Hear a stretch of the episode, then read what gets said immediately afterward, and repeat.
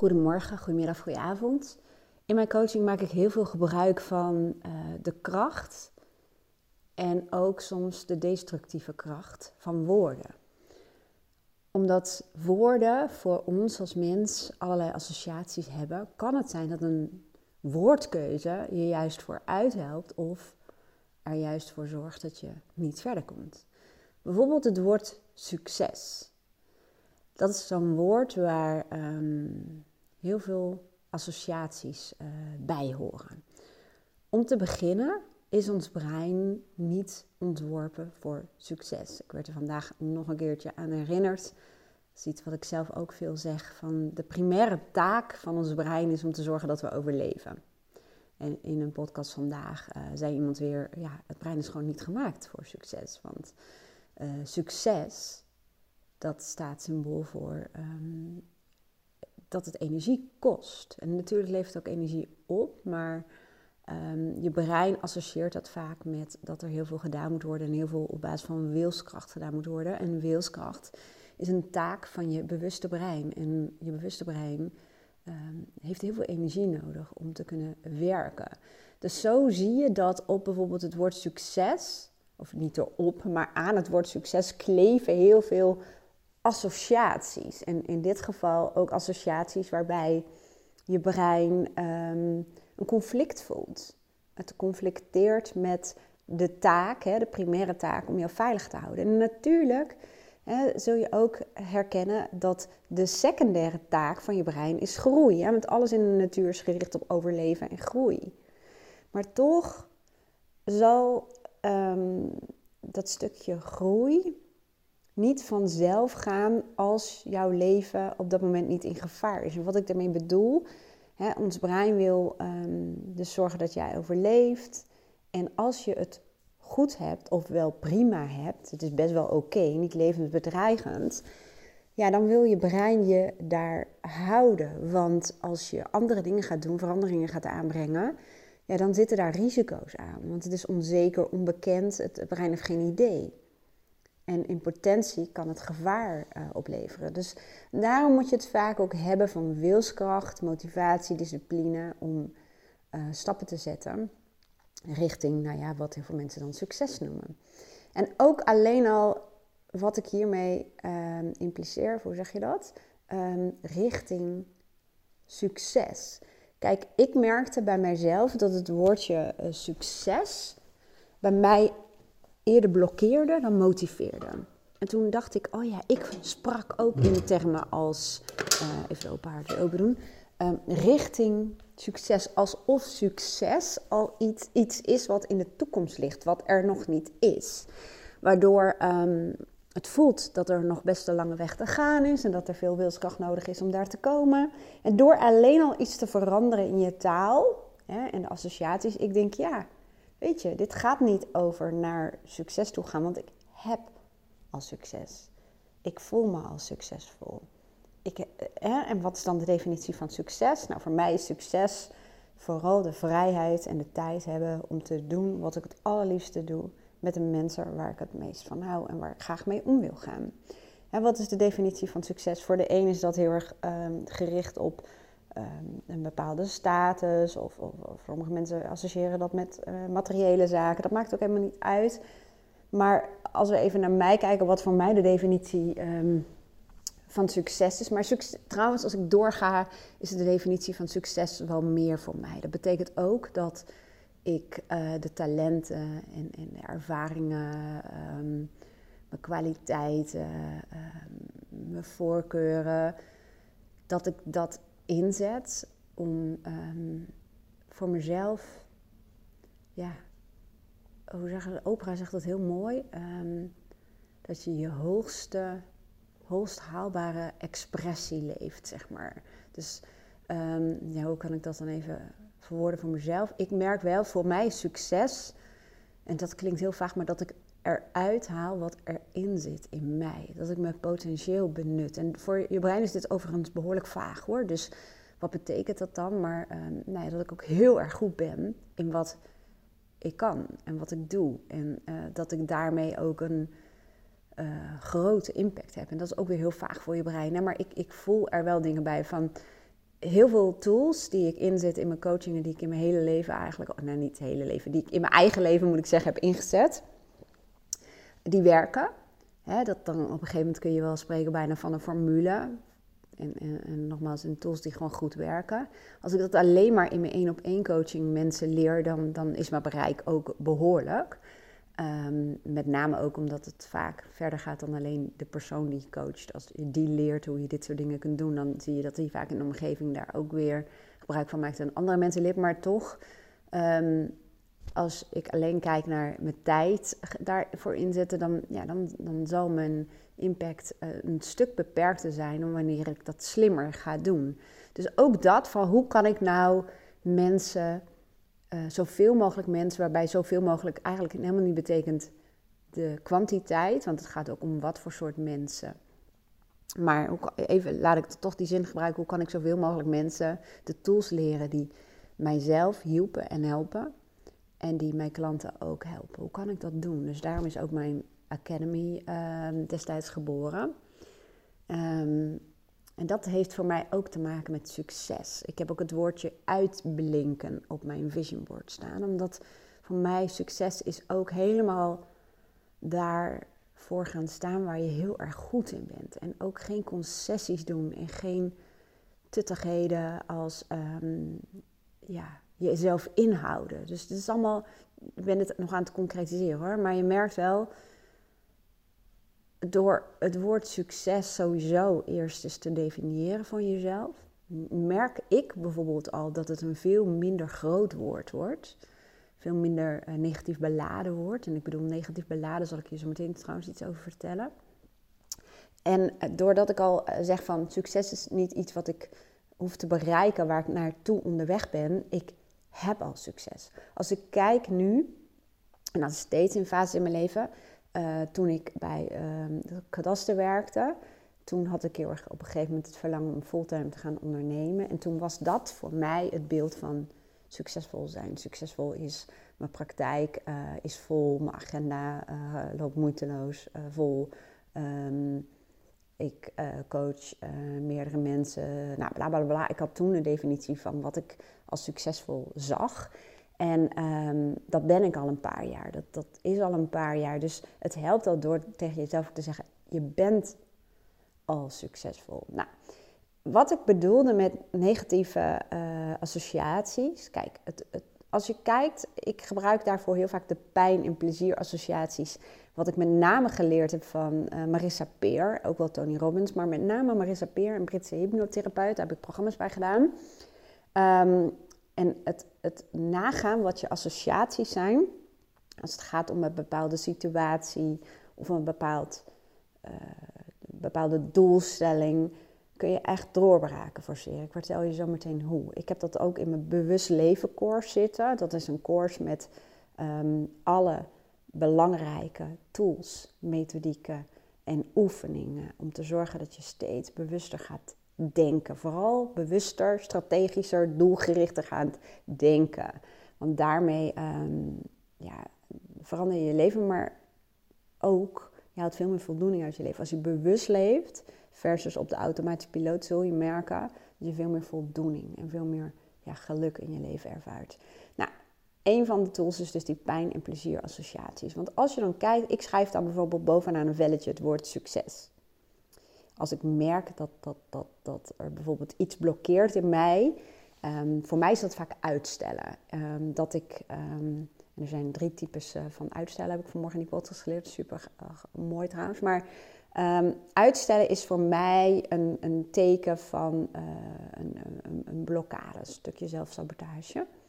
Dat ik weet wat ik zou moeten doen en mijn focus op zou moeten richten maar ondertussen allerlei andere dingen doe die ogenschijnlijk urgent zijn of belangrijk zijn, maar mij niet verder brengen daar naartoe. Dat weet ik van mezelf, daar ben ik me bewust van. En als ik dat bij mezelf uh, merk, dan weet ik, ik heb hier iets te doen. Nou, en ik gebruik dus bijvoorbeeld die pijn en plezier uh, associatie tool. Nou, dan schrijf ik het woord succes in dit geval uh, bovenaan een blaadje en dan schrijf ik links het woord pijn en rechts het woord plezier. Dan ga ik um, met een bepaalde vraagstelling, um, ga ik mezelf um, ja, ga ik eigenlijk op onderzoek uit. Wat zijn de negatieve associaties die mijn brein heeft ten aanzien van het woord succes? Uh, bijvoorbeeld wat onmiddellijk in me opkomt, de angst voor verlies. Omdat succes, het, hè, het, het, het gaan voor succes, waarbij ik dus merk dat ik het weer in de toekomst wegzet. Het najagen wilde ik zelfs zeggen. Maar hoor de woorden, hè? Ik, ik ben me heel bewust van woord najagen.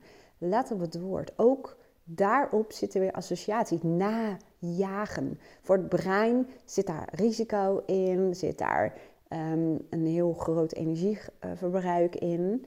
En weet dat dit onbewust echt heel veel doet. Hè? Uh, let op je woorden, zeg ik altijd. Ik zeg dus blijkbaar najagen van succes. Nou, succes daarmee zou ik zeggen.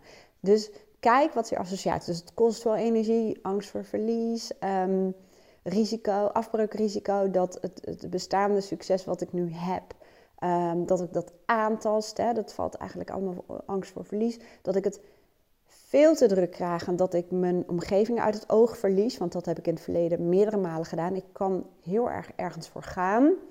En dan zo gefocust zijn dat ik alles om me heen als het ware vergeet. Weer angst voor verlies.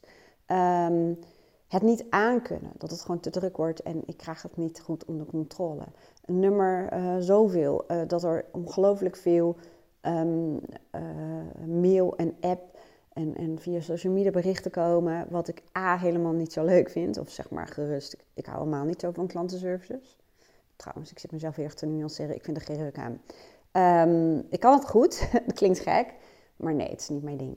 En uh, dus, maar ik heb wel een associatie dat ik heel veel moet organiseren en in moet richten om mezelf klaar te maken voor succes. Waarbij ik wederom succes in de toekomst wegzet.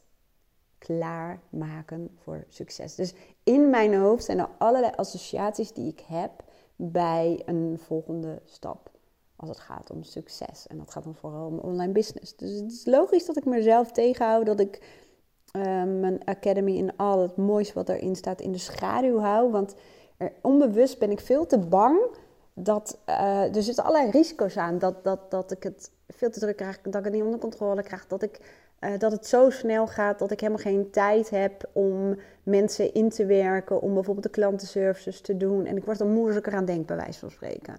Terwijl ik kan rationeel um, hoor ik mezelf dit zeggen. En dan kan ik rationeel zeggen: Dit is allemaal te organiseren. Ik kan het gefaseerd aanpakken. Ik kan het heel systematisch aanpakken, want dat, dat kan ik heel goed. Hè?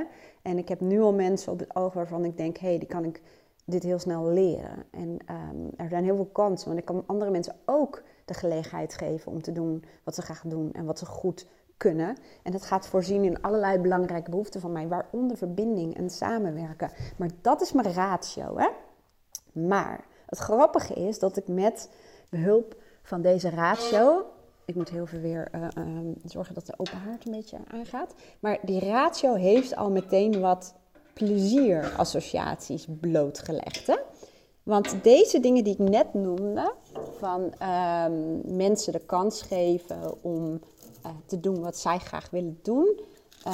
Um, om, om, ja, heel veel mensen vinden klantenservice heel erg leuk om te doen. En die kunnen dat ook gewoon echt heel goed, nog veel beter dan ik.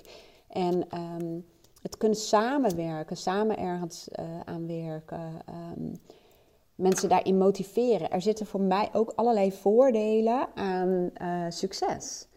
Um, ik vind, ja, dat vond ik als manager gewoon heel leuk om uh, dat stukje teamwork, zullen we maar zeggen. En om mensen, nu ga ik echt, echt dat grootste cliché shit wordt gebruikt wat je kunt bedenken. Maar goed, de zin mensen in hun kracht zetten.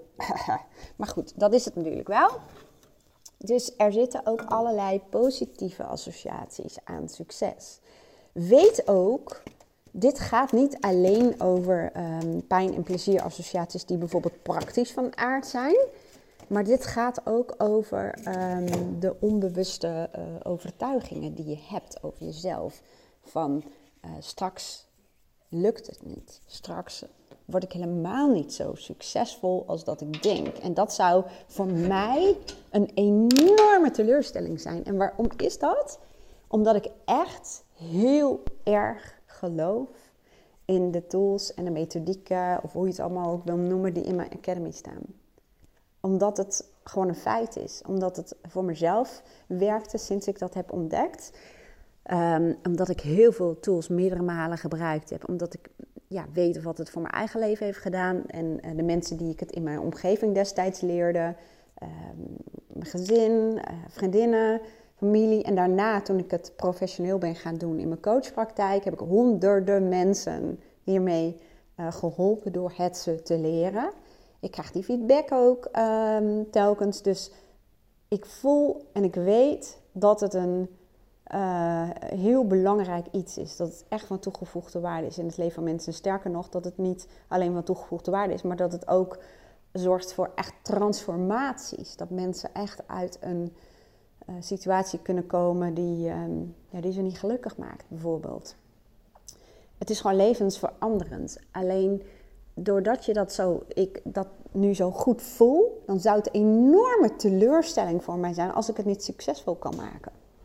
Dus soms is het dan beter, hè, dat is ook vaak wat in perfectionisme bijvoorbeeld schuilt, van om het dan maar niet te doen of om het dan maar uit te stellen, om, om, ja, om het te downgraden of, of om, ja, wat dan ook. Dit gaat dus ook over overtuigingen van ik, ik kan dit niet, ik ben niet goed genoeg.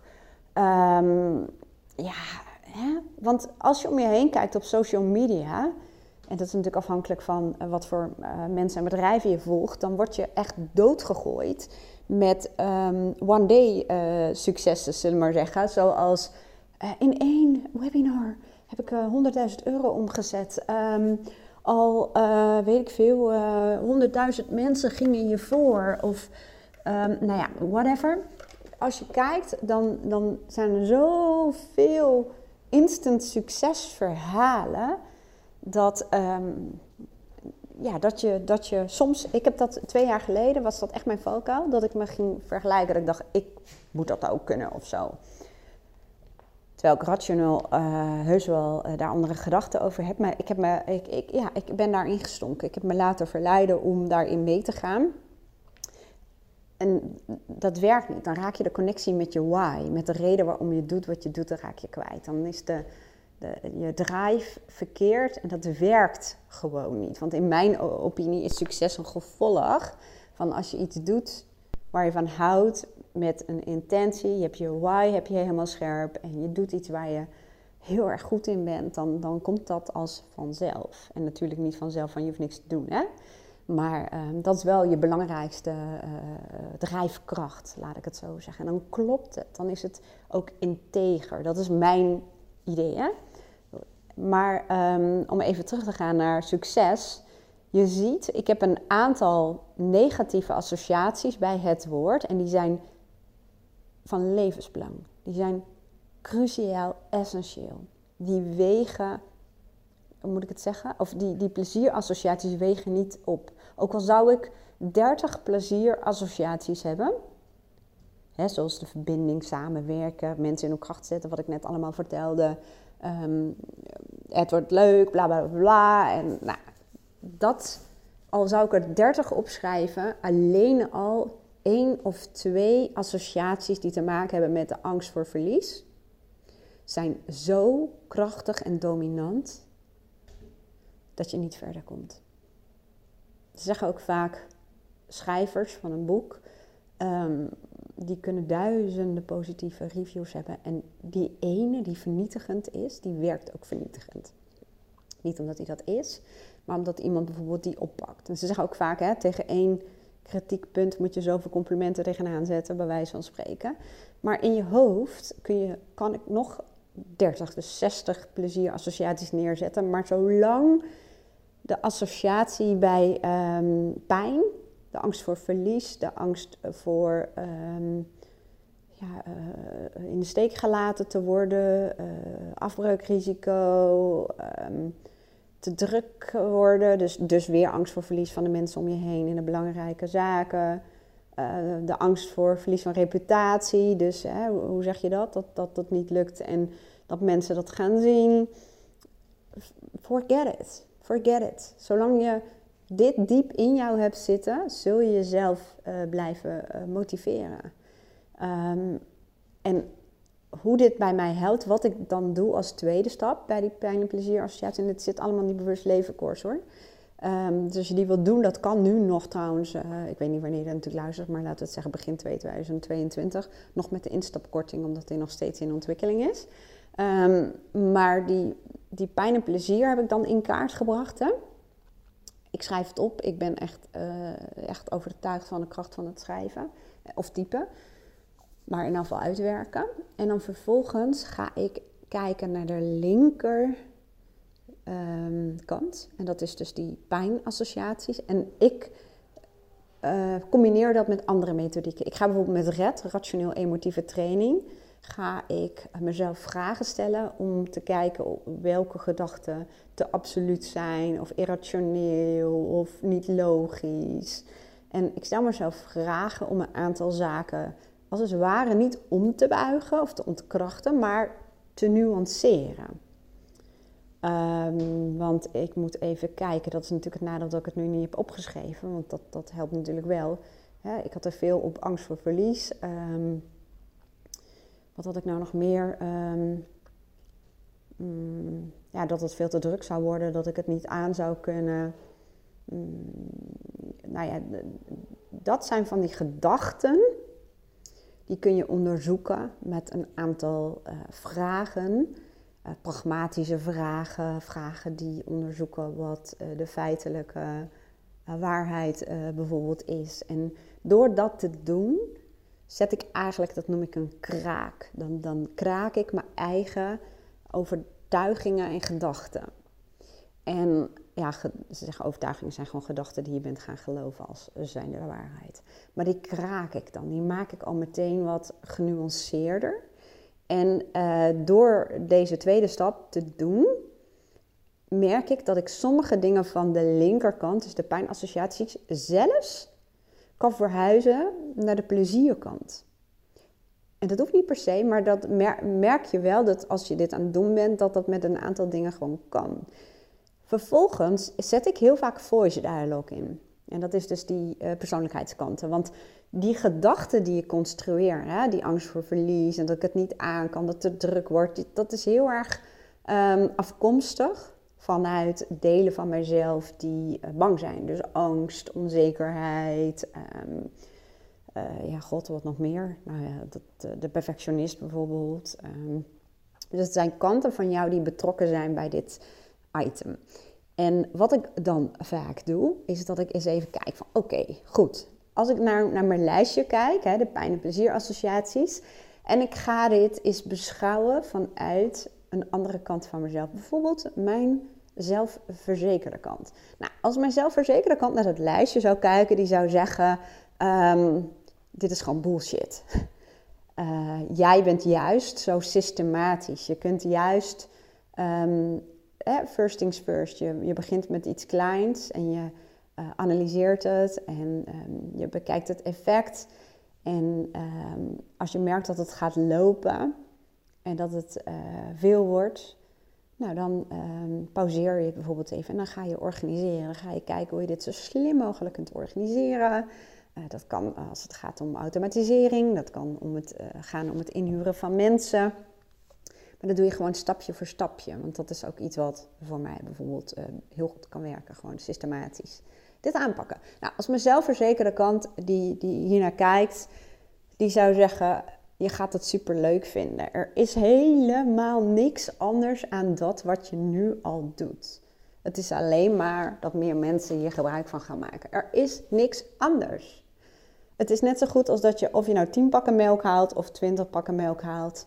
De car is wat zwaarder, je moet het misschien wat verdelen, maar er is niets anders. Dus mijn zelfverzekerde kant, die, die, die, die, die heeft een heel andere perceptie. Die vindt dit geen verandering, die vindt, die vindt dit gewoon een natuurlijke, logische groei.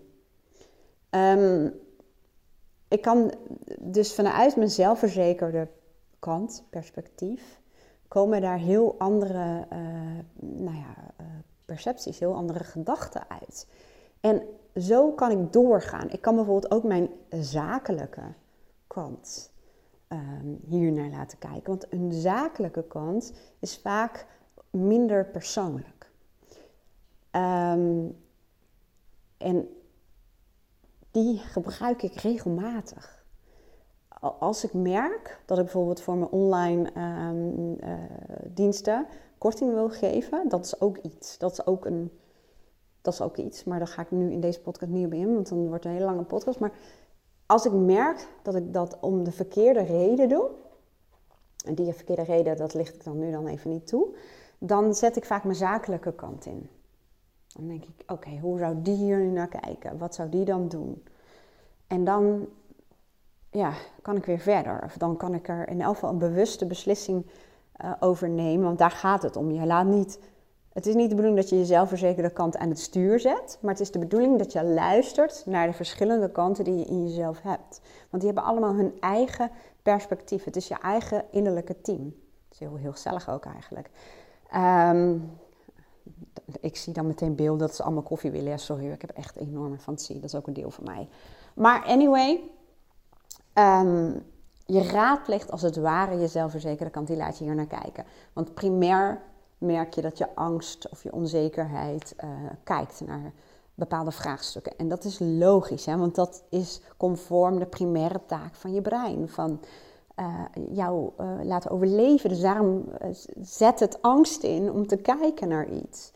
Maar door je zelfverzekerde kant bijvoorbeeld te betrekken, kun je daarna een bewuste beslissing nemen.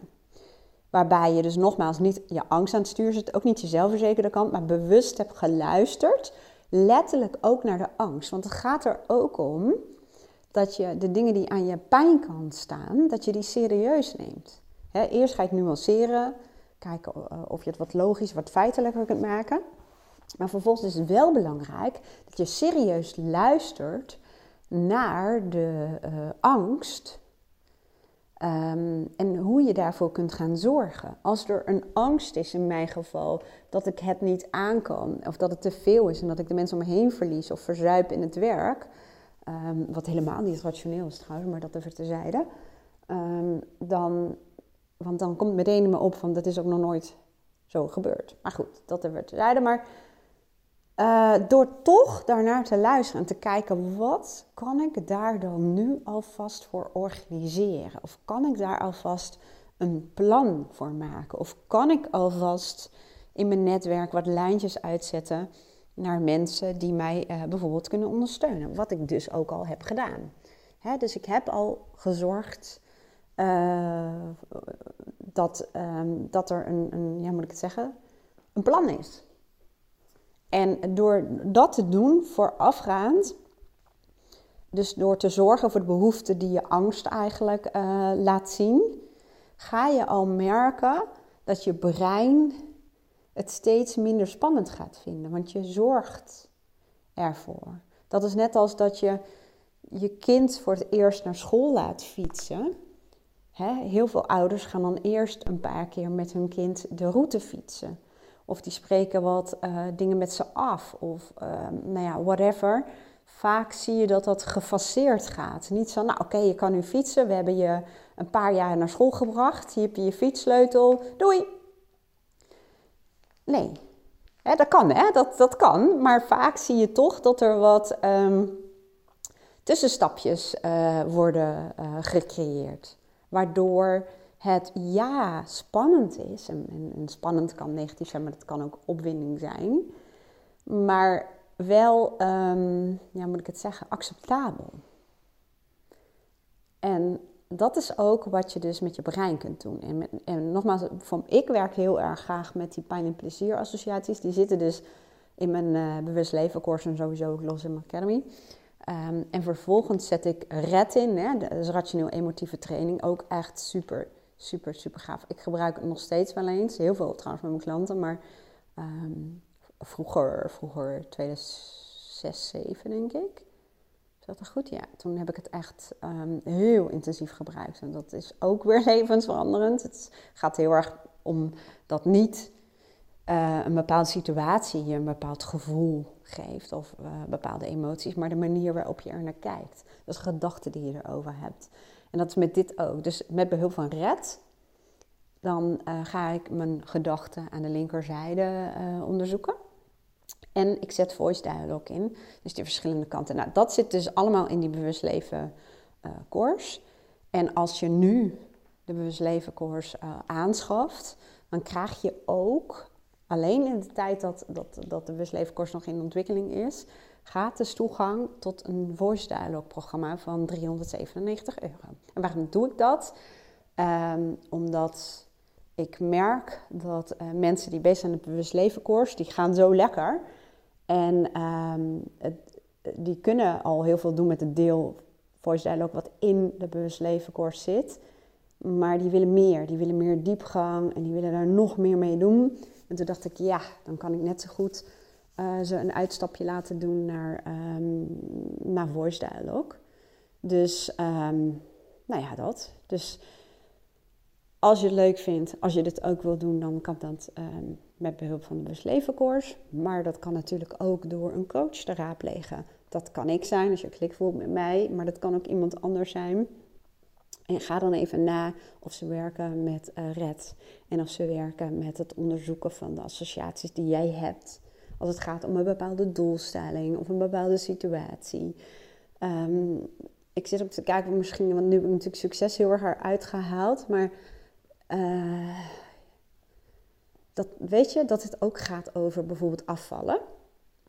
Dat, hoe raar het ook klinkt, hè, want dit zijn vaak onbewuste uh, processen. Super interessant overigens. Um, ik heb dat ook met heel veel mensen gedaan die daarna ook zeiden: Ik ben aan het afvallen, maar ik weet niet precies waarom en waardoor. Uh, omdat ze vaak onbewust uh, dingen hebben veranderd. En, en echt wel wat dingen hebben veranderd, maar niet bewust zoals een dieet. Nou, waarom? Omdat ook kun je ten aanzien van afvallen, kun je negatieve associaties hebben. Die ervoor zorgen dat je niet gaat afvallen. En dit klinkt niet logisch, hè? I know. Want je denkt ook van, ja, maar dat brein is toch primair geprogrammeerd om ons te laten overleven, om ons veilig te houden. Ja, dat klopt. Alleen ons, ik noem het oerbrein, ja, dat heb ik niet bedacht hoor, maar dat, dat, die term wordt vaak gebruikt, is nog niet zo geëvalueerd. En die is nog heel erg um, geprogrammeerd voor de tijd waarin we jager-verzamelaar waren. En um, ons jongste stukje brein, het bewuste brein, analytische brein, um, dat, dat is het deel van het brein wat strategischer kan denken en wat, ja, waar die wilskracht zit, waar we het over hadden. Maar het oerbrein, die denkt nog steeds dat er schaarste en tekort is. Dus het klinkt tegenstrijdig, zo van ja, maar mijn brein is toch geprogrammeerd om mij veilig te houden. Dan zou ik toch gezond moeten eten en niet zoveel en slank moeten zijn, want dat is beter voor me. Nee, omdat het oerbrein denkt dat er schaarste en tekort is, zal het de voeding die beschikbaar is, zo snel mogelijk op willen eten. En dat oerbrein, die heeft geen idee wat een M&M biedt aan voedingswaarde. Waarbij het ook nog eens zo is dat de reden waarom uh, M&M's in verschillende kleuren in, je, in, in een zakje zitten, is omdat het brein dan denkt variatie. Dus daar moet ik zoveel mogelijk van eten. Als er maar één kleurtje in het zakje zou zitten, dan um, zou je er minder van eten.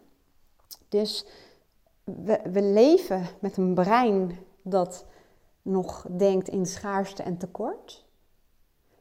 In een wereld van overvloed. Net als zoet bijvoorbeeld, uh, heeft ook heel veel associaties voor je, voor je brein en je lichaam. Maar suiker is ook in de natuur een teken dat de winter eraan komt. Klinkt gek, maar dat je daar zoveel mogelijk van moet consumeren. Want het geeft energie, het kan omgezet worden in vet en het helpt je de winter door. Dus ons brein weet nog niet beter. Die, die, die denkt als het ware echt dat het jou helpt om te overleven, om zoveel mogelijk uh, te eten. En ook dat heeft dus weer te maken met onbewuste programmering en onbewuste associaties. En door ze bewust te maken, kun je ermee gaan werken. En door onbewuste uh, associaties te veranderen. Van, ja, ik heb echt zoveel mensen gehad met bijvoorbeeld overgewicht die uh, erachter kwamen dat, um, dat het een functie heeft dat het ze letterlijk en figuurlijk uh, een stevig gevoel geeft. Uh, een bescherming naar de buitenwereld. Nou, ik heb zoveel bij horen komen. Overigens, mensen die niet aan kunnen komen ook. die zeggen bijvoorbeeld dat ze snel en wendbaar zijn, dat ze makkelijk kunnen vluchten, onzichtbaar zijn. Klinkt gek, maar um, door um, bepaalde vraagstellingen kom je achter de onbewuste associaties. En dan is het eigenlijk ook best logisch dat het afvallen of het aankomen niet lukt. Nou, daar heb ik twee voorbeelden gegeven, dus ik hoop dat je hier iets mee kan. Ehm, alleen al, ik heb het nu niet eens opgeschreven, maar ten aanzien van het succes merk ik dat ik bij mezelf nu al een kraak heb gezet. Merk ik ook, wat ook kan helpen, is volgende tip. Je kunt het woord succes ook vervangen door iets wat voor jou beter werkt. En uh, voor mij uh, werkt het beter om bijvoorbeeld het woord succes te vervangen door bijvoorbeeld groei of groeikracht. En waarom? Omdat um, gezien mijn persoonlijkheid, maar ook mijn waarde, persoonlijke groei en ontwikkeling is, is een, echt een belangrijke waarde voor mij. En groei, daar heb ik de associatie bij dat je dat doet vanuit een veilige situatie. Laten we het even de comfortzone noemen. En die ga je veilig oprekken. En dat voelt voor mijn brein een stuk comfortabeler dan succes najagen. Dus, dus speel ook met de woorden. Want dan kom je eigenlijk in een ander patroontje terecht qua associaties. Als ik dan bovenaan mijn velletje neerzet groei of groeikracht en dan de negatieve of positieve associaties verzamel, zijn die compleet anders dan bij succes. Dus het helpt ook om een ander woord voor jezelf te bedenken. Nou, ik hoop dat je er wat aan had. Als je de Bewust nog wil doen en ook met die korting en het gratis uh, Voice programma, dan zet ik hieronder wel even het linkje neer. Kun je vandaag nog uh, aanmelden. Ehm, nou, het kan zijn dat mensen in je omgeving hier iets aan kunnen hebben. Dus uh, leuk als je de podcast deelt. En had je er iets aan, dan zijn reviews altijd van harte welkom. Dankjewel voor het luisteren. Een hele mooie dag en tot de volgende keer. Doei!